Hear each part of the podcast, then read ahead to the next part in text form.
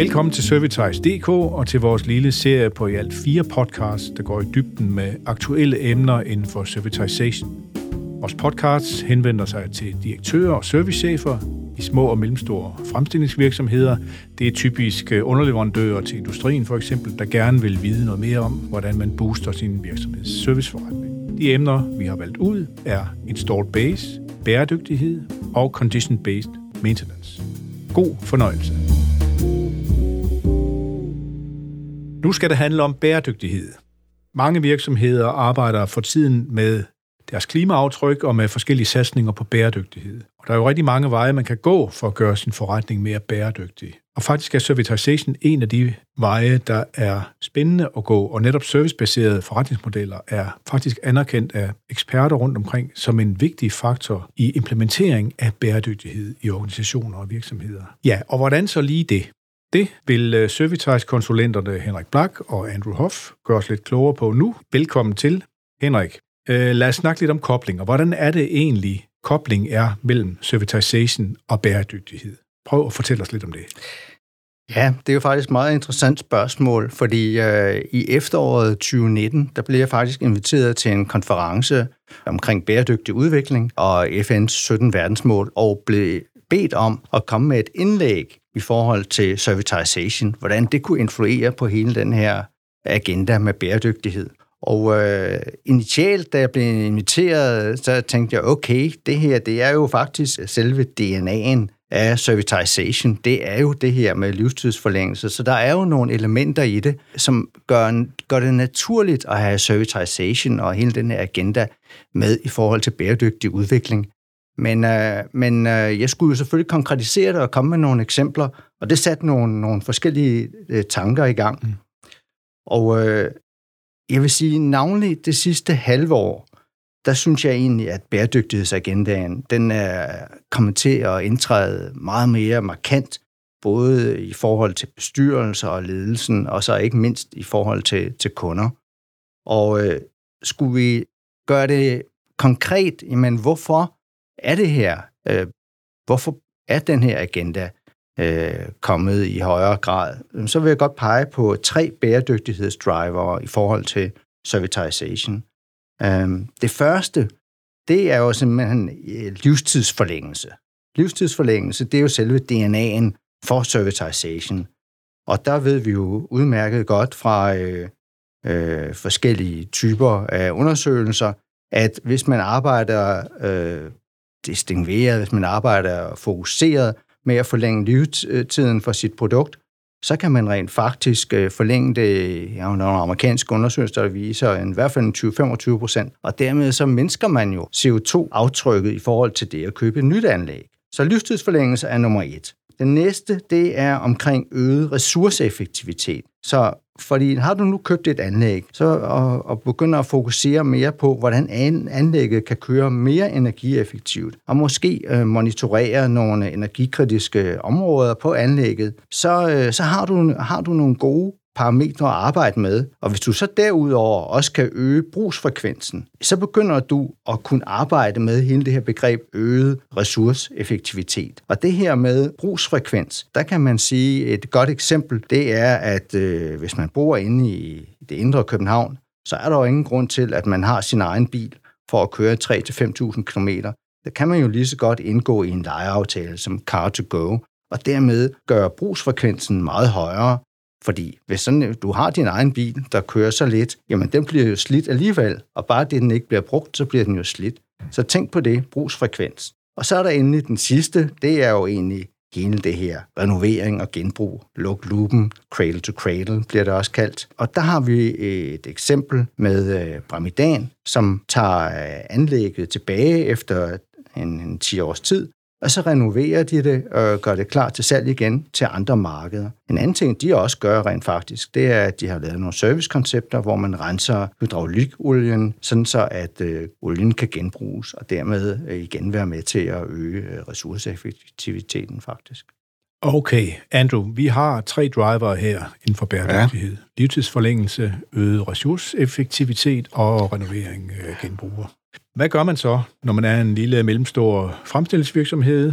måske typisk en maskine- eller udstyrsleverandør til industrien. Hvordan omsætter man så de her tre driver til konkrete services? Jamen det øh, kan man jo gøre øh, med udgangspunkt i den model, som vi egentlig arbejder med i Servitize.dk, og det er sådan en model på fire niveauer, og er man interesseret i selve modellen, så kan man faktisk finde den på vores hjemmeside. Men øh, det ene niveau, som, som vi egentlig går ind og kigger på, det er jo så livscyklus service, og det er jo så lidt af det, som Henrik har været inde på, at det har meget fokus på levetidsforlængelse. Og det er jo noget omkring vedligeholdelseskontrakter, det er reservedelsparker. Og der har vi, som nævnt i en tidligere podcast, jo nogle virksomheder, som egentlig har fuld styr på alle deres anlæg og deres service. Og det vil sige, at de hjælper jo rigtig meget deres kunder med den her levetidsforlængelse på den her del her.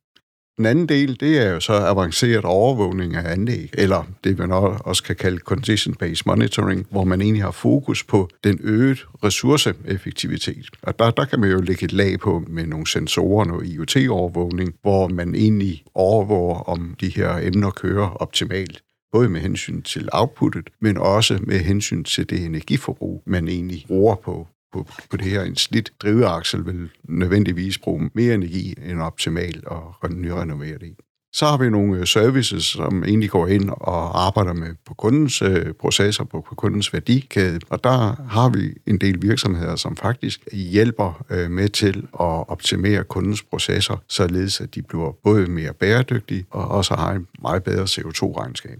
Og så, som nævnt til sidst, så er der nogle af de her nye forretningsmodeller, hvor man egentlig, ligesom Henrik nævnte med, at man øh, fokuserer øh, meget mere på outputtet end at sælge enheden, der har man egentlig som leverandør det fulde ansvar for maskinerne. Og ved at have det fulde ansvar for maskinerne, har man også et større incitament til at kigge både på enhedens drift, øh, ressourceeffektivitet og også det at kunne renovere og tage, have de her forretningsmodeller omkring take-back, retrofit, genbrug osv. Så der, der er en masse øh, muligheder, og jeg kan da tilføje, at der er jo faktisk ret mange af de her SMV-virksomheder, som uden at de ved det, faktisk arbejder med bæredygtighed i den måde, de agerer på i dagligdagen. Godt. Lad os prøve at tage de fire niveauer, du har nævnt nu her, et ad gangen. Og så lad os prøve at være så konkrete som muligt, putte nogle konkrete eksempler på. Vi starter med livscyklus services. Hvad kan man gøre her? Hvordan bidrager de til øget bæredygtighed, Henrik? Ja, altså der vil jeg sådan set pege meget på øh, leverandører af maskiner til fødevareproducenter. Her er livscyklus øh, services faktisk en, en vigtig del af deres salg og kundepleje. Og det hænger, hænger også meget sammen med, at mange af deres slutkunder, det kan være multinationale fødevareproducenter, som for eksempel Danone, Nestlé, Unilever eller Procter Gamble, og de har alle sammen lagt og lægger meget stor vægt på bæredygtighed i hele deres forsyningskæde. Og dermed øh, kan du sige, ved at adressere livstidsforlængende services, så udsætter man jo netop erhvervelsen af nye anlæg, og det er jo et godt statement i forhold til at reducere CO2 øh, tilsvarende. Og øh, dermed kan man jo så være med til at leve op til end øh, users, skal vi sige, meget store fokus på bæredygtighed Øh, i det hele taget. Faktisk øh, er det sådan, at en af de store leverandører af, færdigvarer inden for øh, fødevaresegmenterne, Unilever, de, de har simpelthen sat bæredygtighedsagendaen så højt på deres agenda, så de inviterer deres, deres leverandører til at komme på et kursus, og det er ikke bare et et-dags kursus, det er et kursus, der kører over mange dage, hvor de bliver øh, simpelthen monitoreret for, øh, hvad de skal leve op til i forhold til bæredygtighed, for at kunne være underleverandører til Unilevers øh, bæredygtighedsagenda. Og det er jeg helt sikker på, at vi kommer til at se meget mere til det her i fremtiden. Så øh, det er bare at, at kigge på, hvor bevæger jeres kunder hen af, og hvor kan vi hjælpe? Hvor kan mm. vi hjælpe vores kunder? Det, det er meget det, det handler om. Okay, ja. Det var livscyklus uh, services. Uh, lad os gå videre med, med det næste. Der snakker vi mere teknologi, teknik, måske avanceret overvågning af anlæg. Vi kalder det også condition-based maintenance. Det handler om at koble forskellige produktionsudstyr på nettet, så man kan få her og nu data om udstyrstilstand, om der er behov for servicering og den slags ting. Det emne går vi mere grundigt ind i i nogle efterfølgende podcasts, men lad os lige få et konkret eksempel her, Andrew. Kan du hjælpe med det? Ja, øh, og der, der er jo, som du nævner, rigtig, rigtig mange eksempler, men altså, hvis vi nu har fokus på en enhed, som, som vi alle kender i Danmark, altså vores Storepælsbro, som vi kører over, øh, og der er jo fokus på at være tilfælde levetidsforlængelsen på 100 år plus, og det gør man jo faktisk ved at løbende og overvåge et, øh, tilstanden på sådan en enhed, og vi har, vi har arbejdet tæt sammen med en af de her Servitize-projekter, øh, vi har haft med Rail Monitor, det er en virksomhed, som leverer IT-systemer, sensorer, IoT, der, der kan måle egentlig tilstanden her. De måler tilstanden på jernbanen, så man hele tiden har her nu data på den her del, og så kobler man det jo faktisk med alle mulige andre data, og det kunne jo være data på revnedannelsen, altså hvor man har droner, der flyver op og ned og tager billeder og laver billedanalyse. Man har sensorer inde på jernarmering inde i betonen, som egentlig kan måle tilstanden på selve styrken, om rust øh, og så videre. Så det at overvåge de her øh, enheder er jo med til, at man kan sætte ind på, på, på en meget tidligt tidspunkt, og så lave den her levetidsforlængelse med avanceret måleudstyr. Det næste niveau, det er hjælp til services i kundens øh, større eller videre værdikæde, altså for eksempel data om CO2-reduktion. Hvordan gør man det? Kan I give os et par konkrete eksempler på virksomheder, der tilbyder den type services til deres kunder? Henrik, vil du starte? Jamen, det kan vi da godt. Altså, øh, den type services, vi taler om her, det er også det, som vi i Servitize kalder Process Support Services. Det vil sige, vi ser jo egentlig på vores kundens værdikæde. Hvad sker der efter, vi har leveret den vare eller den øh, maskine, som vi leverer til kunden? Hvad, hvad sker der? Hvordan bruger de den? Og et eksempel på det, det er en af de virksomheder, som vi har arbejdet med. Det er BM Silo, som, øh, ja, det, det ligger jo næsten i det. De leverer siloer, som blandt andet til korn, og der kan være mange andre ting. Og der øh, handler det jo rigtig meget om at se på, hvordan kan vi sikre, at kundens kunde, det vil sige ud til end-user, som måske øh, opbevarer korn i det, at det bliver opbevaret under de bedst mulige forhold, sådan så fugt og temperatur og, og flow i det hele taget er bedst muligt, så det ikke ligger og rådner. Og det er noget af det, de har arbejdet meget med hos dem, og simpelthen øh, opbygget en øh, ny type service, som kan monitorere de her ting og hjælpe med at, at mindske spild. Så Process Support Services, det, der ligger der rigtig mange ting i, når man går i dybden med det. Jeg kan supplere med det, Henrik siger. Vi har en, en virksomhed, som arbejder faktisk med, med, med de her ting på, på en meget pragmatisk måde. Det er nogle af de her glaspartner. De har jo sådan egentlig været inde og kigge lidt på deres kunder. Det er jo tømmer og sneker, der sidder vinduer i. Og et af deres problemer, det er, at øh, de tager forkert mål. Og det vil sige, at der er jo en relativt stor spildprocent i de vinduer, der bliver produceret til de her tømmer og sneker. Og det vil sige, at øh, ved at gå ind og lave en ydelse, hvor tømmerne og snekkerne egentlig kan tage nogle rigtige mål og få det rigtige øh, vindue sat i første gang, så er man faktisk med til at reducere hele det her CO2-aftryk. Samtidig så har de så også et retursystem, hvor det er sådan, at man øh, kan levere det brugte glas eller det slået glas så det egentlig går tilbage i selve øh, det her økosystem, hvor man genbruger de her materialer. Og det igen være med til at, at, at mindske den her impact på vores miljø. Godt. Lad os kigge på det fjerde og sidste niveau. Det handler om udvikling af helt nye forretningsmodeller, der fremmer bæredygtighed. Hvordan gør man det?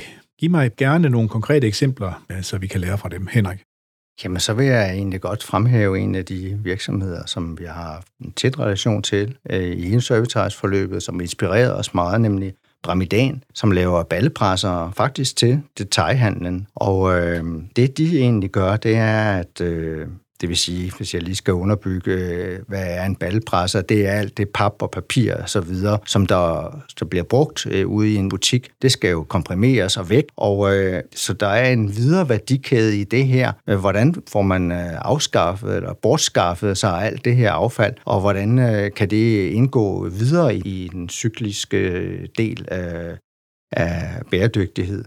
Og her har de simpelthen udviklet nogle sensorer, eller det udviklet et system, som de er godt på gang med at køre ud, hvor man faktisk kan varsle vognmanden, som jo så kommer og skal hente det her, til afhentning, sådan så man ved bedst muligt, at nu øh, efter al sandsynlighed om, om, om, en dag eller to, så vil den her være, være fyldt op. Så kom du så og hent, hent det her affald, så øh, at man ikke man skal køre forgæves eller kun skal køre halvt, så man tænker hele livscyklusen igennem. Så det, det er i hvert fald et, et eksempel, som, som understøtter hele den her, den sidste agenda omkring nye forretningsmodeller. Lad os lige komme op i helikopteren et øjeblik. Hvis jeg kigger sådan på samfundet generelt, altså synes jeg jo, jeg fornemmer, at i den aktuelle samfundsdebat om bæredygtighed og cirkulær økonomi og den slags ting, der taler man meget om forbrugsvarer og hvad den enkelte forbruger kan gøre. Men altså, der er jo andre også, der mener, at det ikke nødvendigvis er der, at det store potentiale i virkeligheden ligger at det måske i stedet for ligger i industrien og i alt det industrielle maskineri og udstyr, øh, der er omkring os, og hvor man måske med servitization-baserede forretningsmodeller kan forlænge udstyrets, maskinernes levetid, øge effektiviteten og på den måde sænke klimabelastningen. Altså der er nogen, der ligefrem hævder, jeg ved ikke, om de har ligefrem forskning til at underbygge det, men der er nogen, der hævder, at man vil kunne få samme output med samme installed base, eller med en installed base, der er 15-20% mindre end den eksisterende. Hvad siger I til det? Helt enig, altså kan understøtte det, det, du siger. Altså, der er et stort potentiale i industrien, og man kan jo sige, at som du nævnte, at ved consumer-området, øh, der har man jo faktisk arbejdet med det i en del år, og nu begynder man jo faktisk at, at kigge meget på det i industrien. Så der er en kæmpe bevægelse omkring meget større bæredygtighed, og som Henrik nævnte tidligere, jamen vi hører meget mere snak om cirkulær økonomi og bæredygtighed på ledelsesgangene og i bestyrelseslokalerne. Og det er jo fordi, at ved at gøre det rigtigt, er der rigtig god payback i det, øh, og der er rigtig gode penge i det. Så det er med til at gå ind og fokusere lidt på, jamen, hvor er det, at vi kan få den her upside og få den her indtjening. Men, men der er stor forskel i industrien fra en podcast, som jeg har hørt lidt tidligere, hvor der er en af lederne, der blev spurgt om, jamen, hvordan ser I med service og bæredygtighed? Så blev der så svaret en rust with trust. Og det er jo så ikke noget, der sådan rigtig duer i dag, der kræver, at man bør have servitize eller service øh, og, og bæredygtighed på agendaen, mm. fordi det er kunderne, de stiller af krav der er et tryk udefra fra virksomhederne, både for deres kunder, men også for deres interessenter og deres omgivelse. Jeg er fuldstændig enig, Andrew. Jeg kan godt lide den der, en rust we trust. Den går altså ikke. den går ikke ret længe. Det er simpelthen det er enormt vigtigt at være på forkant med deres forespørgsel i forhold til bæredygtighed. Og vi havde faktisk så, så sent som i forrige uge en, en, en dialog med en virksomhed, som vi arbejdede med inden for Servitize, og den var inden for byggebranchen, og øh, der diskuterede vi så i forlængelse af nogle af de andre ting, hvordan de skulle forholde sig til det bæredygtige byggeri. Det er jo noget af det, der er meget, meget attention på, fordi vi ved jo selv, hvor meget de er syndere inden for CO2-området. Og så diskuterede vi så også, hvordan den her virksomhed, den kunne arbejde. Og de havde øh, arbejdet med det, øh, men havde måske lidt svært øh, med at konkretisere det og havde også forelagt noget for deres bestyrelse, men de har ligesom sagt, ah, lad os nu vente lidt med det. Men vi kom faktisk godt i gang med at tale om, hvordan man faktisk ved at bruge servitization, kunne tale det her med at servicere anlæggene, som giver livstidsforlængelse, men også det der med at måske at genbruge dele af det brugte anlæg. Og øh, der lå faktisk nogle, nogle spændende cases, når de nu blev probet lidt på det. Så hvorfor ikke tage nogle af de her ting tilbage, og så bruge det og begynde at arbejde med det? Og øh, det er bare vigtigt, at man får det ind på sin agenda på den lille eller den store skala. Man begynder at arbejde bevidst med det. For nylig der kunne vi læse en artikel i Finans, hvor øh, PricewaterhouseCoopers de har lavet en analyse om, at virksomheder dør, hvis ikke de er bæredygtige.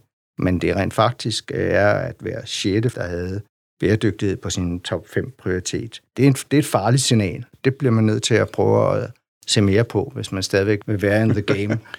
okay, så folk skal se at komme i gang. Jamen altså, det er fint. Folk skal i gang, men hvordan er det så, man kommer i gang? Altså, kan vi sige lidt om det? Hvis man er en SMV, fremstillingsvirksomhed, maskinleverandør, hvad det nu måtte være, hvis man ønsker at komme i gang med at udvikle services, som fremmer bæredygtighed, hvad gør man? Og også måske, hvad bør man ikke gøre? Hvor er faldgrupperne henne? Hvis jeg skulle svare på det, jamen så kan man sige, at start nu med at få det på agendaen få nu en, en snak i virksomheden omkring bæredygtighed og servitization. Fordi det går ikke lang tid før, at hvis man ikke gør det selv, så stiller kunderne krav om det. Så er man jo sådan lidt på halen allerede der. Og, og vi ved jo, at Vestas, øh, de har jo allerede nævnt, at øh, inden for øh, en kommende årrække, altså 2030, der skal de være CO2-neutrale. Det vil sige, at alle deres øh, leverandører rundt omkring, den impact, de har på deres produkter og så videre, de leverer ind til Vestas, de får jo de samme krav, så de skal jo være med til at bære den her øh, reducering af, af CO2.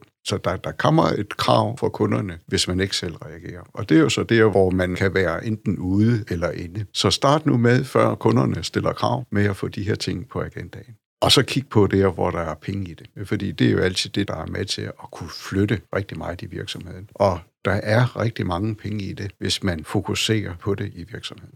Jeg kan sådan set kun understøtte det, du siger, Andrew, for det der med keep it simple, det kan være voldsomt for en, for en, for en mindre virksomhed at begynde at tænke på øh, cirkulær økonomi og livscyklus assessment, LCA-beregninger. Der er mange ting i det. Man behøver ikke nødvendigvis at skulle starte der. Det, kan også, det er også vigtigt at have de betragtninger med, men hvis du starter med ligesom at sige, men hvordan influerer det produkt, som jeg leverer til min kunde, hvordan influerer det øh, i kundens videre værdikæde, og bruge service som et centralt element, så kommer du også netop tættere på kunden, får den her dialog med dem, og får diskuteret, hvordan kan vi understøtte de her bæredygtige tiltag, som der er nødvendigt, om det så er inden for byggeri, eller om det er inden for industri i al almindelighed. Så vi kommer ikke uden om det her emne, og øh, som vi har takt tidligere, der er kraftig acceleration i det, og der er altså også økonomi i det når man får begyndt at arbejde med det.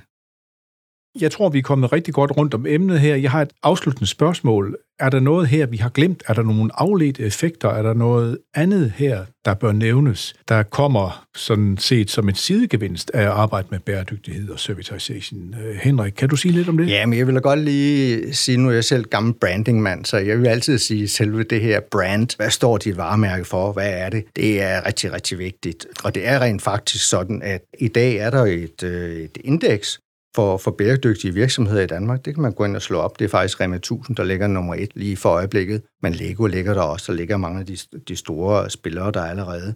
Så det bliver monitoreret, så virksomheder bruger den her branding-perspektiv virkelig øh, fokuseret. Og en virksomhed som BM Silo, som tidligere har nævnt lidt om, de har valgt at forholde sig direkte til bæredygtighed øh, i forhold til tre verdensmål. Og øh, de tre verdensmål, det er kvalitet i uddannelse, det er stop sult, og det er ansvarlig forbrug og produktion. Dem har de valgt. Men I kan godt se, hvis man er frontrunner inden for det her område, så er der bare en kæmpe stor markedsførings-payback i det også, sådan så man også senere hen kan blive, øh, eller hvis ikke man allerede er leverandør til nogle af de andre store fødevarekoncerner, så har man i hvert fald en mulighed for at brande sig og komme i betragtning over for dem også. Så ja. det ligger der også. Og man, man kan jo sige, at det brand, som du, du nu lige har snakket om her, jamen det fører jo nogle andre ting med sig, fordi det er jo ikke kun et brand for at, at tiltrække kunder, men det er også et brand for at kunne tiltrække nogle kvalificerede medarbejdere. Det vi oplever jo med, med den generation, der er på vej ind på arbejdsmarkedet, at de kigger jo meget på, hvad er det for en virksomhed, jeg skal arbejde i. Er jeg overhovedet stolt af at arbejde med, med den her virksomhed? Lever den op til de normer, som jeg ser for verden og mit liv? Så det at skulle tiltrække kvalificeret arbejdskraft, kan det her brand jo så også være med til at gøre. Og så er der jo selvfølgelig de her netværk, men man som virksomhed indgår i, med andre partnere, leverandører osv., bliver man tilvalgt øh, eller fravalgt i den her del. Så branding har jo en stor betydning på det her. Godt. Tak til dig, Andrew. Tak til dig, Henrik, for at gøre os lidt klogere på sammenhængen mellem servitization og bæredygtighed. Øh, lyt med på de andre podcasts i vores serie om serviceudvikling. Der stiller vi skarpt på blandt andet installed base og condition-based maintenance. Er du interesseret i at få din virksomhed med i et transformforløb i regi af Servitize.dk, så tag fat i os. Vores kontaktinformation den finder du på vores hjemmeside. Tak fordi du lyttede med.